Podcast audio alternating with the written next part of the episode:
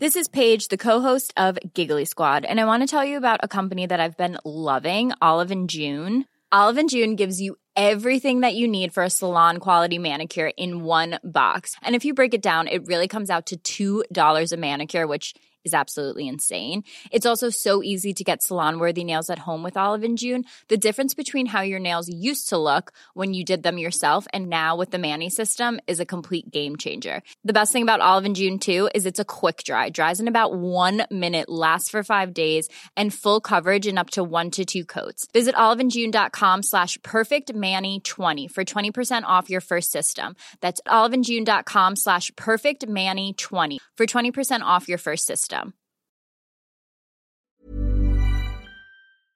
Da er det nytt år i Kunstpraten, og snart så kommer det en helt fersk episode. Den kommer ut om to uker, 9. februar. Men aller først nå så vil vi slippe en liten repriseepisode. Og det er med Erling Kagge, som veldig mange kjenner til. Det er en morsom episode vi hadde for lenge siden, og den skal dere få lov til å høre nå. Han er veldig aktuell med en utstilling som kommer 16. februar. Så da kan man høre denne episoden med han, og så glede seg til utstillingen hans i Bergen. Jeg tror at det å kjøpe kunst for å tjene penger, det, det er, da må du være ganske naiv i utgangspunktet. Men jeg har lagt merke til at de fleste som kjøper kunst, tror jo, eller håper, at de skal liksom ha en god avkastning. Men sånn er jo ikke verden. Eh, så, så så lett er det ikke.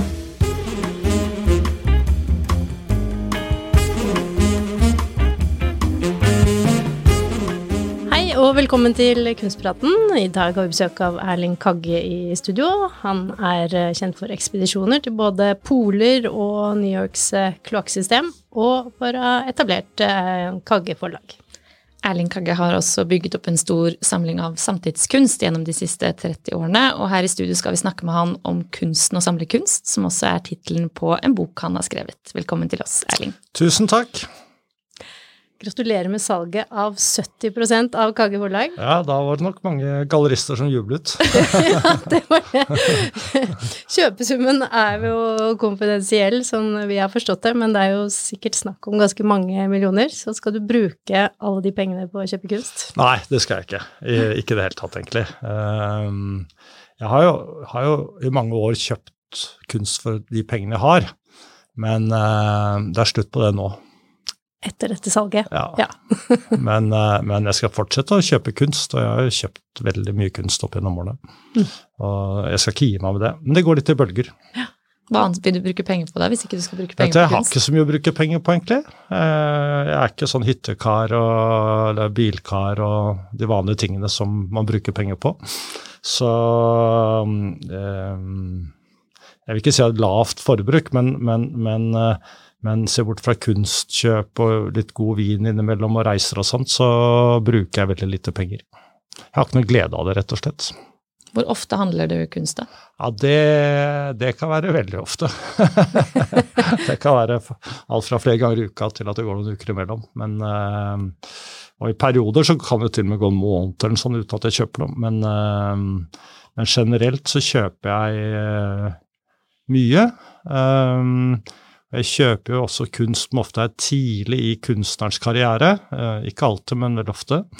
Så det er jo veldig sånn for å bruke kapitalspråk. altså Det er jo spekulativt, selv om ikke jeg gjør det for spekulasjonsøyemed, så er det spekulativt å, å, å, kjøpe kunstnere før de har etablert seg, ofte. Eh, så stort sett når jeg kjøper noe, så er det jo verdt halvparten når jeg går ut av galleriet. Altså fordi galleristen har tatt halvparten. Så, så Men jeg kjøper med hjerte og med nysgjerrighet og med undring og med behov for å beherske det å samle kunst. da.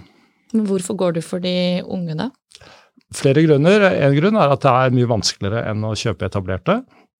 Um, kjøpe etablert kunst er jo heller ikke lett. Du må skjønne hva som er bra og dårlig av gode kunstnere. Men uh, det er vanskeligere å kjøpe yngre kunst, og jeg tror på det å gjøre livet vanskeligere for seg selv enn det trenger å være. Og det, tror, det er anbefaling jeg har til ikke alle nordmenn, for det er en del som har det vanskelig allerede, men de aller fleste nordmenn tror jeg trenger å gjøre livene sine langt vanskeligere enn det er. Hvorfor tenker du at det er viktig? Fordi det er meningen med livet er jo å leve et uh, variert uh, liv. Og det er å bli kjent med de potensialene man har, og uh, erfare. Og hvis man alltid velger den enkleste løsningen, så vil man gå glipp av stort sett alle de store gledene ved å leve. Og det siste kunstverket ditt, hva var det? Som jeg kjøpte? Ja. Uh, ja, det um, Jeg så etter jeg kjøpte her for ikke så lenge siden, faktisk, eh, som var bare noen frukt. Uh, fersk frukt som var skrevet en et dikt på, gjennom litt én setning på hvert enkelt, eller to på enkelt, hver enkelt frukt. Det så jeg akkurat nå, var på en svær sånn plakat på T-banestasjonen i Pompidou i Paris. Um, så det er ikke så lenge siden råtnet opp, egentlig, hjemme hos meg, eller på kontoret. Så, men jeg kjøper litt uh, hele tiden, egentlig. Så, så, så det går, går, ganske fort unna. Men den frukten da som råtnet, mm. og sånn, når den råtnet, kastet du den da, eller ja, hva gjorde du med Jeg la den på kontoret, på ja. kjøkkenbordet på kontoret, på forlaget. Og da var, det, da var det skrevet en hel diktet på de fruktene med sånn laserpenn. Så ganske så veldig stilig ut, egentlig, og diktet var flott. Og eh, så lå det der, men bananene råtner jo først. og Kan godt ha litt råtne bananer, men etter hvert så begynner det å lukte. Da kaster man det, men så er det appelsiner og en del liksom sitrusfrukt og sånn holdt lenge. Og til slutt ble det kastet. Og da er kunstverket borte. Ja, Da er det borte, det er ikke sånn at det eksisterer på Og det eksisterer et sertifikat, ja. slik at jeg kan eh, produsere kunstverket når jeg vil. Altså jeg har enerett til å produsere kunstverket. Men må du lage det selv, da? Da må jeg leie en som skriver med laserpistol det diktet på det fruktet. Så det, man må ha litt tid, da. Men de fleste mennesker har, har egentlig ganske god tid, og det, det, har jeg også. Men du har kjøpt bananskall tidligere? Kjøpt bananskall ja. også, jeg. Eh, det er jo akkurat det samme. Det er ja. å det er, det, men da kjøpte jeg ikke bare bananskall, da kjøpte jeg en performance som gikk ut på å, å, at en ansatt i galleriet, nei, i museet skal spise bananen om morgenen før museet åpner, og så skal hun eller han kaste bananskallet ut på gulvet, og så skal det ligge der i åpningstiden. Og etter at det stenger når vaskepersonalet kommer, så vil jo de automatisk bare ta opp bananskallet øh, og kaste det, fordi det er bananskall. Og morgenen etter så er det spiser man ny banan og kaster ut på, på gulvet. Og det kan si at banan har jo hatt har jo mange sånn symboleffekt i, i, i, i kunsthistorien. Um, og I tillegg så har det selvfølgelig også uh, referanser til, uh, til seksuelle referanser og andre referanser. Men når det også foregår på den måten, så er det også sånn en klassereferanse. At det er liksom museumskuratoren som spiser og kaster uh, skallet, og vaskepersonalet som plukker opp etterpå, og besøkende på museet som titter på det, fotograferer det og ler av det midt på dagen. Så jeg tenker at det er et helt fantastisk kunstverk. Men, men det var på En god investering er det ikke. ja, hva betalte du for den bananen? Eller ja, vet du, husker jeg, jeg vet du, Frem til sånn 300-400 verk så husket jeg alt jeg hadde kjøpt når jeg kjøpte formater, priser, alt. Men uh, så bikket det over, så husker jeg ikke. Men uh, det var noen Det var ikke sånn Det, det, ja, det ville vært noen månedslønner. Mm, I kapital. Nei ja. Men som du sier, da, det er jo ikke noen god investering, denne frukten eller det bananskallet. Og du syns det er et fantastisk verk. Hva er det som blir motivasjonen din for å kjøpe det? For det er jo ikke noe du kan ha hjemme for alltid og se på, f.eks. Nei, men kan si at at uh, jeg tror at det å kjøpe kunst for å tjene penger, det, det er, da må du være ganske naiv i utgangspunktet. Men jeg har lagt merke til at de fleste som kjøper kunst, tror jo, eller håper, at de skal liksom ha en god avkastning. Men sånn er jo ikke verden. Uh, så, så, så lett er det ikke. Men, uh, men sånn bananskall som det jeg kjøpte nå, eller beskrev med det, det jeg tror det er en rimelig mulighet for om noen år at det blir sett på som et viktig verk. Det har allerede vært på New Museum i, i, i New York, et av de tre beste museene i New York. Og, øh, og på Astrofernlesen, sa Kari. Så, så, og da er det bare, syns jeg det er morsomt å ha et flott kunstverk. Uh, og, og, det er så mange måter å tjene penger på. Jeg tjener penger på forlag, og tjener penger på andre ting, på å skrive bøker, holde foredrag og osv. Og, og man trenger jo ikke å tjene penger på, på, alt man gjør. Det er heller tvert imot, egentlig. At uh, jeg tror det er smart å frigjøre seg litt fra, fra den uh, karusellen. Selv om jeg er jo en kremmer, så det er ikke det. jeg er opptatt av penger og alle de greiene der. Men, men jeg er ikke helt avhengig av at hele tiden skal tjene penger. Men mange vil jo kanskje prioritert og kjøpt kunst som de kan se på når de vil, eller å ja, ha det på kontoret eller ha det hjemme, da. Ja, og det er ikke noe galt i det, men jeg tenker ikke sånn. men du vet at eh, det er en det er helt ok måte å kjøpe kunst på, men hvis jeg er kunstsamler, så tror jeg det er smart å tenke litt annerledes. Du sa at uh, frem til sånn 300-400 verk så husket du på en måte priser og alt, men hvor mange verk har du nå, vet du det?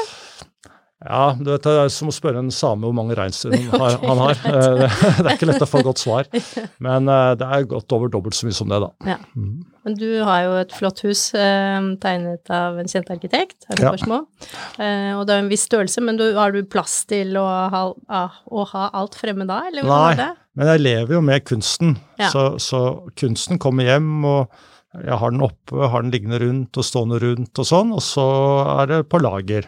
Ja. Uh, og så har jeg jo nå de siste to årene har jeg hatt tre store museumsutstillinger i Madrid og Arl og Bolzano, uh, hvor det er vist mye av kunsten. Så da får jo både jeg få sett den på andre måter, og masse mennesker får sett det. Og det er veldig hyggelig, da. Hvordan er det å se sin egen kunst sånn i et museum? Vokser ego litt da, eller hvordan er det? Ja, jeg vet ikke hvor ego vokser, men det er klart at det er jo en altså Jeg vil ikke si at det er sånn egoistisk ting å gjøre, men det er jo veldig egosentrisk ting å samle kunst. Så, så jeg blir faktisk sånn, litt sånn rørt, jeg. Ja, av å, å se kunsten henge. Ja. Og når det er godt gjort, da, når mm. det er skikkelig kurator som har gjort det liksom gjennomtenkt og sett samlingen på en annen måte enn jeg har gjort, så syns jeg det er fantastisk. Så nei, jeg, jeg, jeg, kjøper for å ha kunsten, og ikke for å trade og sånt. Jeg kjøper for å ha, for jeg er glad i den, rett og slett. Du har jo da oppimot 1000, da, er det vel mm. kanskje. Eh, hvis du skulle beskrevet samlingen din selv, hvordan ville du forklart den? Mm. Er det noen rød tråd, f.eks.? Rød tråd ikke utover meg. Og det jeg sa at uh, ikke alt, men veldig mye er kjøpt ganske tidlig kunstnernes løp.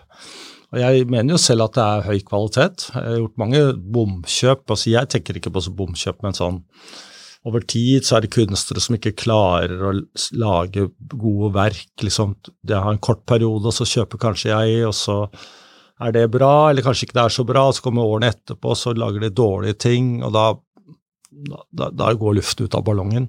Så jeg har en del sånne, men, men gjennomgående så tror jeg at uh, det er en veldig høy kvalitet. Uh, og uh, det er jo ikke noe sånn, du kan ikke gå på noe museum i Norge, unntatt Astroferli selvfølgelig, og se noe, liksom, noe, som er i nærheten av kvaliteten. det tror jeg er helt sånn objektivt. så, kan, så selvfølgelig også Kistefoss, da, men det er jo ganske lite museum, egentlig. Men det er klart, der også er det jo helt fenomenal kvalitet. This is Paige, the co-host of Giggly Squad, and I want to tell you about a company that I've been loving, Olive and June. Olive and June gives you everything that you need for a salon quality manicure in one box. And if you break it down, it really comes out to $2 a manicure, which is absolutely insane. It's also so easy to get salon worthy nails at home with Olive and June. The difference between how your nails used to look when you did them yourself and now with the Manny system is a complete game changer. The best thing about Olive and June too is it's a quick dry, dries in about one minute, lasts for five days, and full coverage in up to one to two coats. Visit oliveandjune.com slash perfectmanny20 for 20% off your first system. That's oliveandjune.com slash perfectmanny20 for 20% off your first system.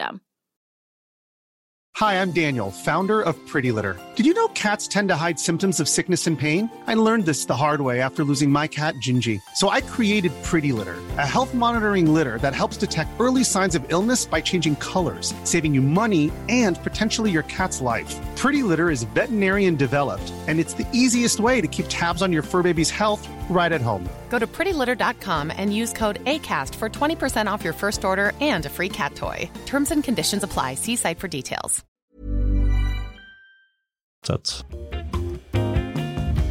Du hører på Kunstpraten, og i dag har vi besøk av polfarer og forlegger Erling Kagge. Men altså, du har jo åpenbart et veldig godt øye for kunst og spottekvalitet. Da. Ikke bare øye, du må ja. ha ører og nese ører. også. Ja, ok. men er det noe Uh, er du flinkere i dag enn uh, da du startet å samle kunst, til på en måte ja. å spotte kvalitet? Ja. ja. Det er klart, når du begynner, ikke sant, så også, når du begynner med kunst, så er det jo vanskelig. Det er jo vanskelig å skjønne seg på. Jeg syns det fortsatt er supervanskelig. Og i og med at jeg har mye annet å gjøre, så er det jo bare en sånn Det er livsstil, men, men, men eh, det er vanskelig. Men det var vanskelig i gamle dager òg. Hvis du ser et sånn renessansemaleri, og så sitter en kvinne der, og så holder hun et eple i hånden. Og da er det jo liksom avhengig av hva slags eple det er, hva det symboliserer. Og det er klart at ikke kunst kjennere vil jo, ikke vite, vil, vil jo ikke vite det for noen hundre år siden heller, så det har alltid vært komplisert eh, å skjønne seg på kunst. Eh, ikke Jesus på korset i en kirke, da, eh, men eh, det er mer umiddelbart. Men eh, det har alltid vært vanskelig, men nå er det sikkert enda litt vanskeligere. Men for din egen del, når på en måte følte du at du kom opp på det nivået du er nå? Er det Ja, det vært i dag tidlig, på en måte, da. jo, jo, men det er vel litt sånn kurven er bratt i starten, og så flater litt ut etter hvert. Enten så blir det jo bedre eller dårligere. Folk sier at de har, eh, at de har mm. flatet ut eller liksom mm. stoppet opp, men uh, det er ingen som stopper opp. Så man må ligge på hele tiden. Jeg, mener rett og slett at uh, i går kveld så leste jeg Artforum om kunstner som heter Tau Averbakk, en svær artikkel om henne, som jeg har en god samling av. Og så leste jeg, leste jeg litt Hamlet, for jeg har vært og sett det på teater for et par dager siden, og så gikk jeg og la meg. Det er klart at Da har jeg fått en litt bedre forståelse for kunst i løpet av går kveld enn jeg hadde i forgårs kveld. Men når du er inne på dette med tabber, som du mm. så vidt nevnte, handler det om da å ha verk av for dårlig kvalitet, eller hva er, hva er egentlig en tabbe i en kunstsamling? Ja, tabbe generelt er at du har dårlig kunst og dårlige kunstnere. Det er det vanligste. Og så kan du si at uh, så kan det slumpe til kanskje ha et godt verk av en ikke så god kunstner. Og så, men toppen er jo når du har de beste verkene av de beste kunstnerne. Det må være målet for enhver kunstsamler.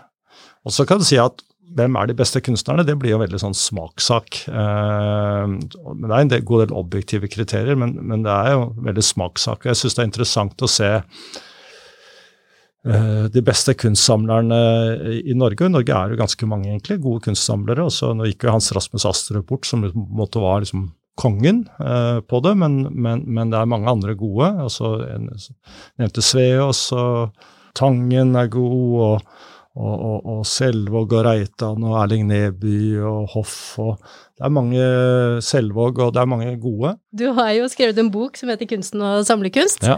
som kom i 2015 i forbindelse med utstilling på Astrup Fearnley. Har du tjent mye penger på det? Ja, ganske mye, egentlig. Ja.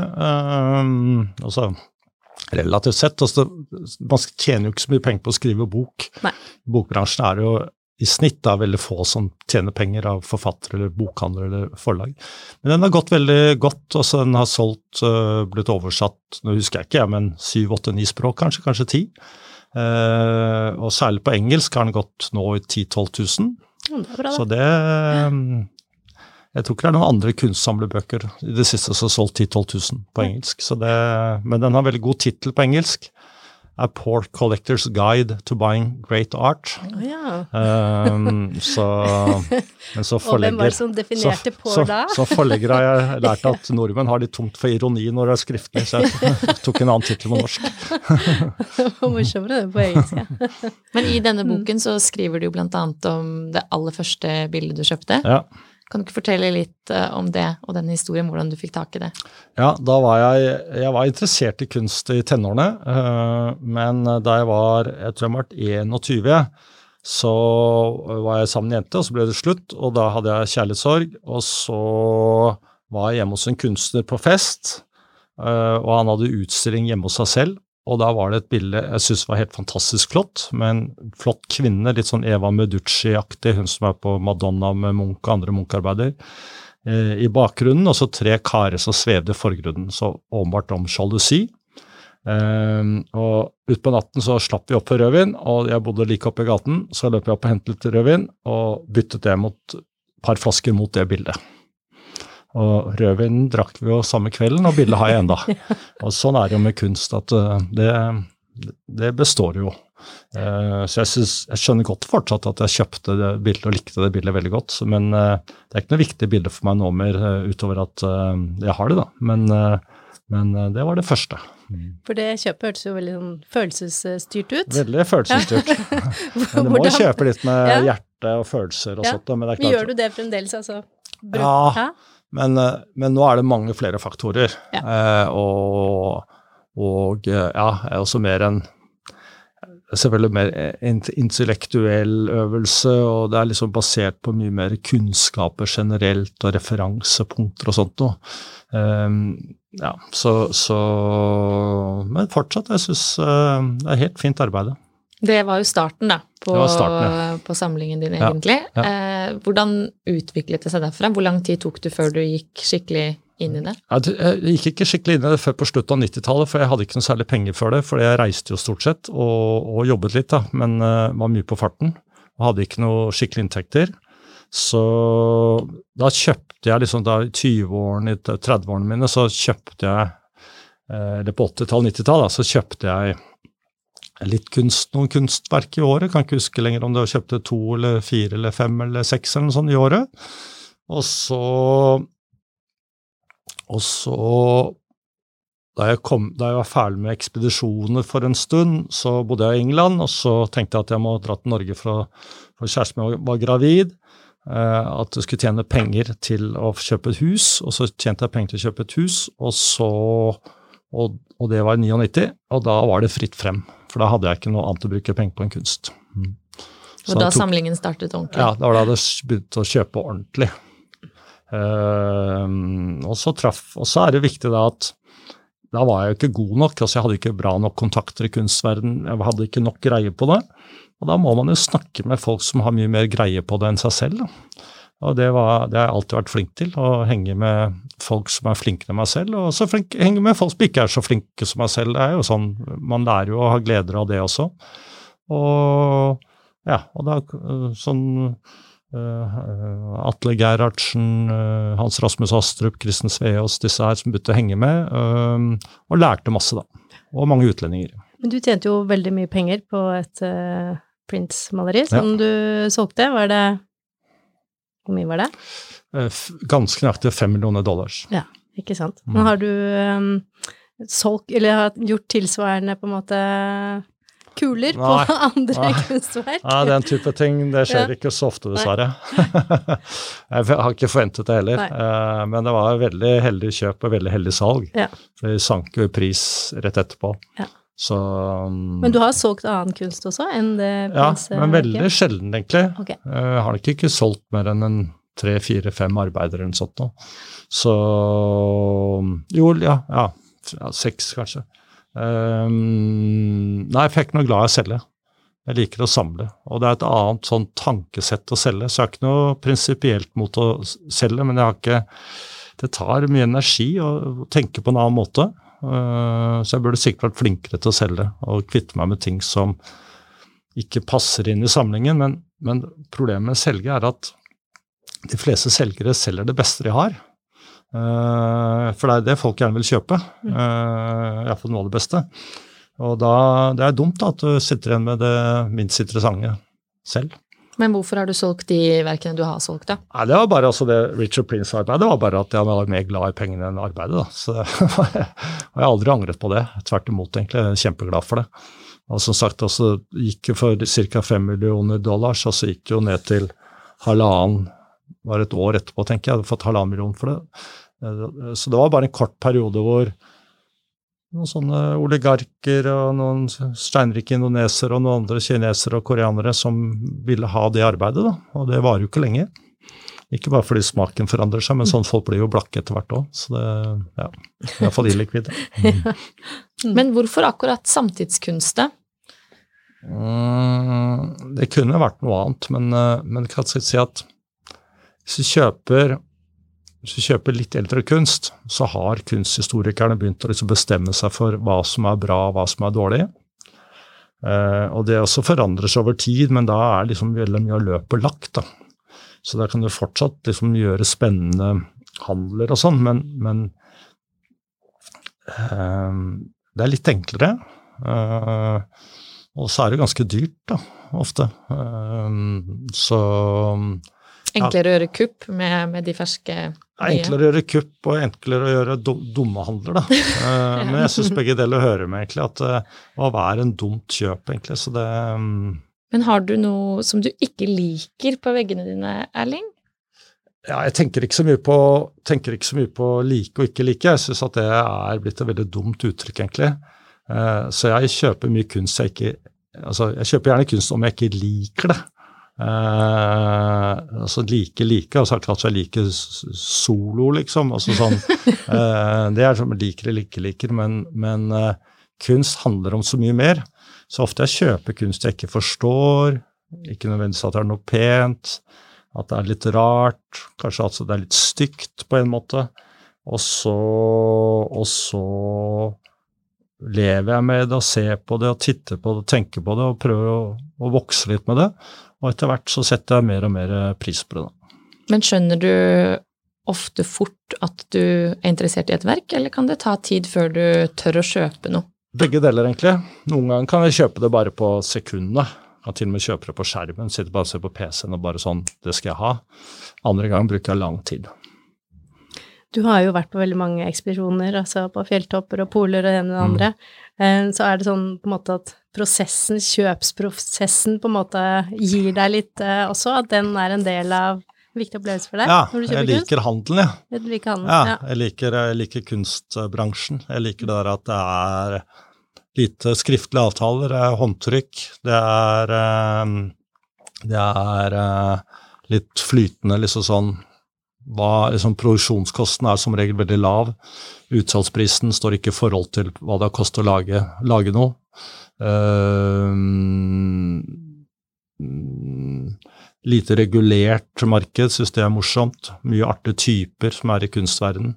Så jeg liker altså den kommersielle delen av det. Jeg liker liksom, Det er livsstil. Det er ikke, jeg har ikke noe hobbyer, det er livsstil. Jeg liker å, liker å være en del av det miljøet. Hvordan velger du hva som skal henge hjemme hos deg, da? Det varierer så mye. Mm. Så, altså, jeg hang opp et bilde her for en stund siden av en som heter Jan Euler, hvor han selvportrett hvor det sånn, nesten ser ut som det er en pe, svær penis der, og liksom Ja, det er veldig Som er en del av henne. Um, og det er klart at det er sånn verk som umiddelbart kan tenke at handler om sex. Og en del unge mennesker gjør det, for de er jo helt, en del av hele den der renhetskulturen og woke-kulturen, og da liksom alt som er eksplisitt sex, er forferdelig. Men i min generasjon, da, som er født, jeg er født i 63, så handler jo det arbeidet om selvfølgelig om sex, men det handler om en som tydeligvis har tatt noen psykedeliske midler, som ser seg selv på en helt annen måte. Det handler om uh, kjønnsidentitet, det handler om, det handler om uh, uh, humor, og, og, og, så mange flere referanser. Men det, men det, er jo interessant å se at Det handler ikke om døtrene mine, men også nå, nå kommer en generasjon som er veldig pertentlige og moralistiske. Så hvis jeg skulle føyd meg etter um, altså, så, Men jeg, jeg kommer fra en annen generasjon, og vi er, eh, vi er um, ja, Mitt inntrykk er at det er mindre moralistiske. Mm. Og det er litt artig at nye generasjoner på en måte blir mer pertentlige. Ja, det er det. Men apropos kjønnsorganer, eller om det forestilte noe annet. Du, var, du, kjøpte jo et verk for en del år siden som noen mente var en, ja, en liten skulptur som så høy eller noe sånt, eh, som minnet om et kjønnsorgan. Men det du da ikke hadde fått med deg, var at det også fulgte med en Rolls-Royce. Ja, ja, ja, nå lurte jeg hvor det skulle hen, faktisk. hvor har du den Rolls-Roycen nå? Nå står på verksted, faktisk. Nei, ja. står i garasjen. Han har vært på verksted, står på garasje utenfor byen. Vi hadde litt håpet at du kom i den i dag. Ja, ja, ja. Jeg kjører den nå hver sommer, da. Ja, den kan kjøres, ja. Uh, men det er, et, altså det er Frans West egen uh, Rolls-Royce som han brukte i Wien, uh, for han ble en vellykket kunstner. Så han kjøpte han annen kunstner, Polanski. Her forleden i Wien så gikk faktisk Polanski ga West et kunstverk som West kunne selge og få penger for og betale Polanski for bilen. Eh, så det kunstverket gikk på auksjon i Wien her forleden. Eh, det var litt, litt, kostbart, jeg kjøpte det ikke. Men, eh, men, eh, men iallfall den bilen er jo et hovedverk det har blitt av Frans West.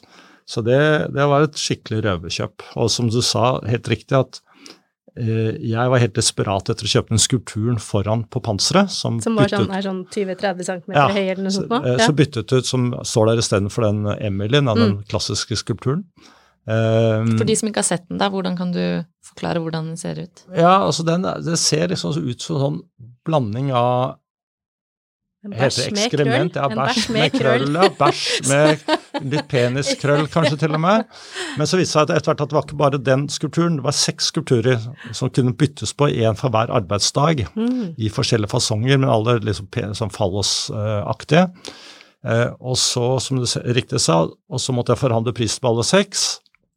Og så, da jeg fikk fakturaen, så viste det at Rollsen fulgte med på kjøpet. Så det var, eh, Men det er en Rolls-Royce sånn, sånn det koster jo ikke mer enn 20 000 dollar sånn på eBay, så det, så, så, så det er mye penger. Men, men, men eh, det er veteranbil, så du kan ta den inn til Norge uten, uten å skatte den.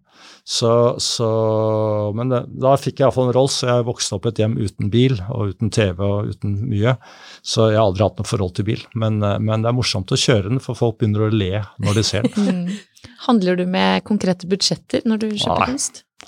Aldri hatt budsjett. Aldri budsjett i Kagge forlag, aldri budsjett på det. Nå, nå blir det budsjettet, for nå er det danske eiere i Kagge forlag, så nå blir det budsjetter. Nå må du skjerpe deg. Nei, noen må iallfall skjerpe seg. Men, men nei, jeg øker på budsjetter, faktisk. Men har du skeiet sånn skikkelig ut, sånn at det har gått utover eh, privatøkonomien eller et eller annet i en periode? Ja. Du, ja. ja. Har du noen eksempler på det? Nei, ja, eh, første gang, andre gang jeg var i Basel, så kjøpte jeg 23 arbeider på to dager. Eh, og da overskred jeg liksom Jeg hadde jo ikke budsjett, som sagt, men overskred jeg det jeg liksom hadde av likvider. Så det, det var litt slitsomt. Hva gjør man da? Ja, du ligger iallfall våken om natten og tenker på hva du skal gjøre, og så må du ta en prat med et par gallerister og si at det tar litt tid før du betaler. Og så lenge du sier fra, så går det alltid bra. Det har gått bra for meg iallfall. Og så må du bare betale når du har lov til å betale siden. Men, men trikset er som regel å I kunstbransjen så føler alle seg så veldig viktig, for alle er jo vellykket. Som en gallerist sa til meg en gang, at hun elsket å være gallerist, for alle menneskene hun traff var så vellykket. men, eh, men, eh, og da har man store egoer, og alle er vant til å bli behandlet liksom som supervipper. Eh, og da betaler man ofte regninger sent, og er litt sånn kjipe, og er kanskje litt store i kjeften, og kjefter litt og sånn. Og det er en kjempetabbe. Eh, så i et sånt miljø er det ekstra viktig å være hyggelig, grei og oppføre seg ordentlig. Så Du er den snille gutten, da? Den Ja, ganske snill iallfall. Mm. Uh, stort sett så tror jeg det. Ok, Erling, da dagens siste spørsmål. Revolver-spørsmålet. Hva ønsker du deg som du ikke har råd til? Nei, det kommer jeg faktisk ikke på. Jeg syns jeg har råd til alt, jeg. Hva, hva, hva ønsker du deg du ikke har råd til? Nei, det er mange kunstverk jeg kunne tenkt meg som jeg ikke har råd til. Ja, men det, hvis det henger på Hvis det henger på um, Uffizi, så får du det ikke ut allikevel. Så jeg tenker på at, det som er tilgjengelig, ja, det er selvfølgelig altså det beste av bacon og øh, og så videre. Sk- sk- Skulle gjerne hatt, men det er øh, Men egentlig, hvis det er noe du har veldig lyst på, da, så kjøper gjør du det du kan for å få tak i det. kjøper jeg det stort sett og ikke gi meg før jeg har det. Men skulle jeg fått et triptykk av bacon, da, da måtte jeg ha giftet meg steinrikt. Og det min erfaring at du skal ha en sterk rygg for å overleve etter å ha giftet deg steinrikt, så det skal jeg unngå. Erling, for å bruke ditt eh, uttrykk, millioner takk for at du kom i dag. Og takk til lytterne for at dere hører på Kunstpraten. Abonner gjerne på podkasten, så får dere beskjed med en gang vi slipper en ny episode. Om det er et tema eller en gjest vi skal ta med her, send oss en e-post på kunstpraten at kapital.no.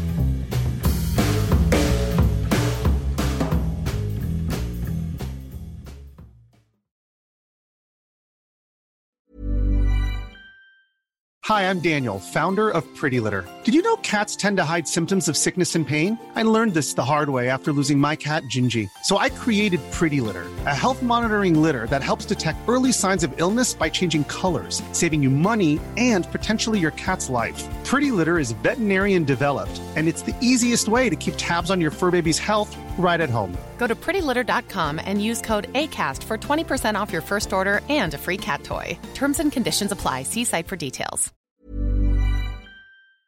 Kunstpraten er en podkast fra Finansavisen. Programledere er Margrethe Hegnar og Kari Nestås. Produsent er Lars Brenden Skram. Og ansvarlig redaktør er Trygve Hegnar.